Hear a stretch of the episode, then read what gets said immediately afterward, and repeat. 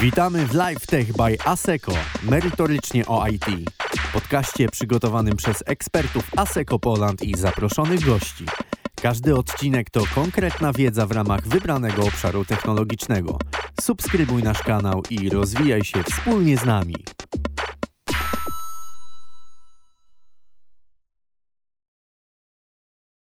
Zaawansowane typy TypeScript.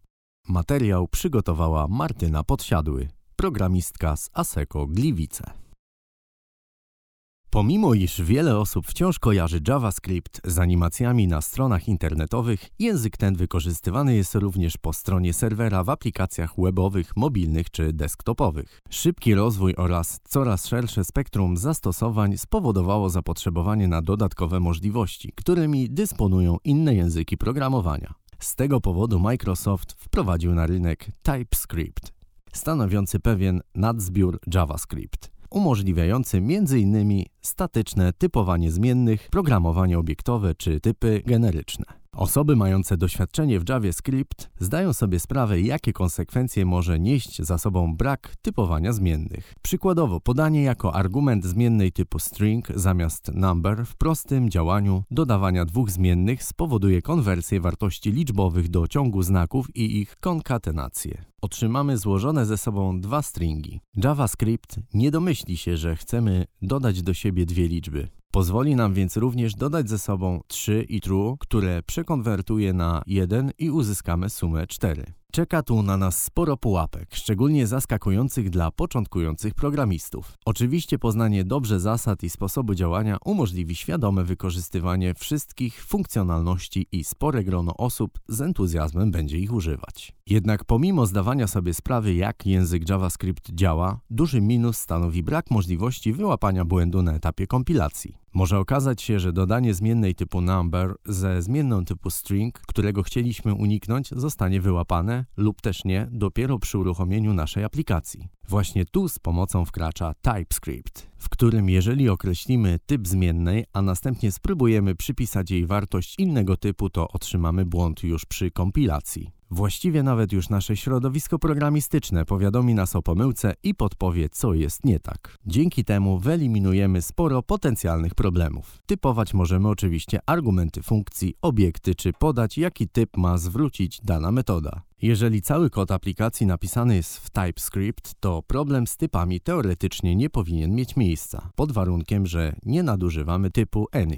Porównując do dynamicznie typowanego JavaScriptu, w którym typ określany jest w trakcie działania aplikacji, nie będzie już możliwości przypisania do zmiennej jednego typu do wartości innego typu. Ponadto w TypeScript istnieje inferencja typów, czyli jeżeli nie typujemy zmiennej i od razu przypiszemy jej prostą wartość, np. 10, Zmienna ta od razu będzie typu number i mimo niepodania wprost typu nie będzie możliwości przypisania jej wartości typu string, boolean czy jakiegokolwiek innego. W TypeScript mamy oczywiście możliwość tworzenia własnych typów. Nie musimy się ograniczać do tych podstawowych. Często w tym celu tworzymy interfejsy, dzięki którym możemy definiować strukturę obiektu. Aby usprawnić sobie pracę oraz wyeliminować w pewnym stopniu kopiowanie kodu, warto poznać utility types. TypeScript zawiera kilkanaście specjalnych typów, dzięki którym możemy tworzyć nowe typy z już istniejących. Pierwszym typem, który omówimy jest pik.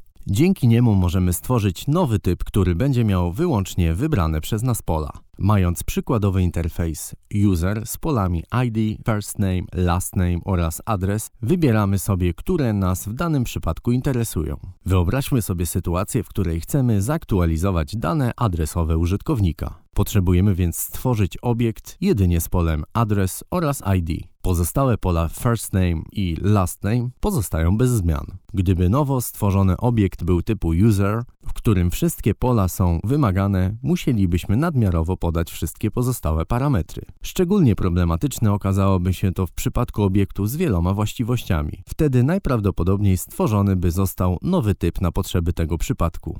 Nie jest to jednak konieczne. Możemy skorzystać z istniejącego już typu. Używamy tutaj pik, a w nawiasach ostrokątnych podajemy istniejący typ, czyli w naszym przykładzie user, a po przecinku wybrane pola. Możliwe jest stworzenie aliasu dla tego typu, ale również typowanie od razu tworzonego obiektu. Odwrotnością PIK jest omit, który usuwa wybrane pola z zadanego typu. Wykorzystując omit, również możemy uzyskać ten sam efekt jak przy wcześniejszym przykładzie z PIK i obiektami mającymi jedynie ID oraz adres. Wybierając omit podajemy analogicznie w nawiasach ostrokątnych typ oraz pola do pominięcia. Kolejnym typem jest partial, zwracający typ z ustawionymi wszystkimi polami jako opcjonalne. Całkiem często zdarza się, że po prostu nie ma potrzeby podania wszystkich właściwości. Tak jak wcześniej potrzebowaliśmy jedynie pola ID oraz adres. Prostszym sposobem niż PIK jest ustawienie wszystkich pól jako opcjonalne. W przypadku naszego interfejsu user utworzony nowy typ nie ma ani jednego wymaganego pola. W takiej sytuacji trzeba jednak pamiętać, aby podać wszystkie pola, które na przykład oczekuje serwer. Nie zaktualizujemy już danych adresowych użytkownika, jeżeli zapomnimy o podaniu jego ID. Typem odwrotnym do partial jest required, ustawiający wszystkie pola jako wymagane. Jest to bardzo przydatny typ, dzięki któremu na pewno nie zapomnimy podać któregoś z pól. W przypadku pominięcia wybranego pola od razu dostaniemy błąd przy kompilacji. Z wykorzystaniem omawianego wcześniej PIK możemy na przykład stworzyć typ z jednym wymaganym polem ID.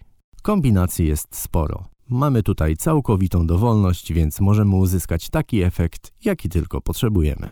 Ponadto w TypeScript istnieją również dodatkowe dwa typy: intersection type oraz union type, dzięki którym możemy również stworzyć nowy typ. Intersection type, czyli sposób na łączenie kilku typów w jeden. Używamy w tym celu znaku AND, podając, które typy nas interesują. Powstały w ten sposób typ posiada właściwości kilku typów jednocześnie.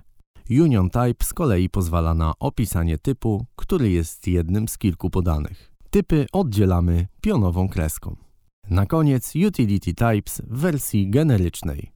Dobrym podejściem jest wytwarzanie kodu, który możemy użyć w wielu miejscach w naszej aplikacji. Błędną i niewydajną praktyką w programowaniu jest kopiowanie i wklejanie tych samych fragmentów w wielu miejscach. Możemy połączyć wszystkie sposoby wcześniej opisane, tworząc nowy typ, z którego będziemy mogli skorzystać w wielu różnych przypadkach. Z wykorzystaniem partial, omit, required oraz intersection type mamy możliwość na przykład stworzenia typu z jednym wymaganym polem i wszystkimi pozostałymi opcjonalnymi. Jednak ogranicza nas tu jedynie nasza wyobraźnia. Możemy dowoli mieszać i łączyć dostępne typy, a ponadto możemy również tworzyć własne, jeżeli te, które oferuje TypeScript Są niewystarczające. Oczywiście to nie wszystkie z dostępnych typów TypeScript. Znajomość możliwości, jakimi dysponujemy w TypeScript, pozwala nam wytwarzać lepszy, czytelniejszy kod, który łatwiej jest też utrzymać. To był LiveTech by ASECO, merytorycznie o IT. Dziękujemy za uwagę i słyszymy się już wkrótce. A jeśli chcesz dołączyć do naszego zespołu, zapoznaj się z najnowszymi ofertami pracy na pl.aseco.com ukośnik kariera.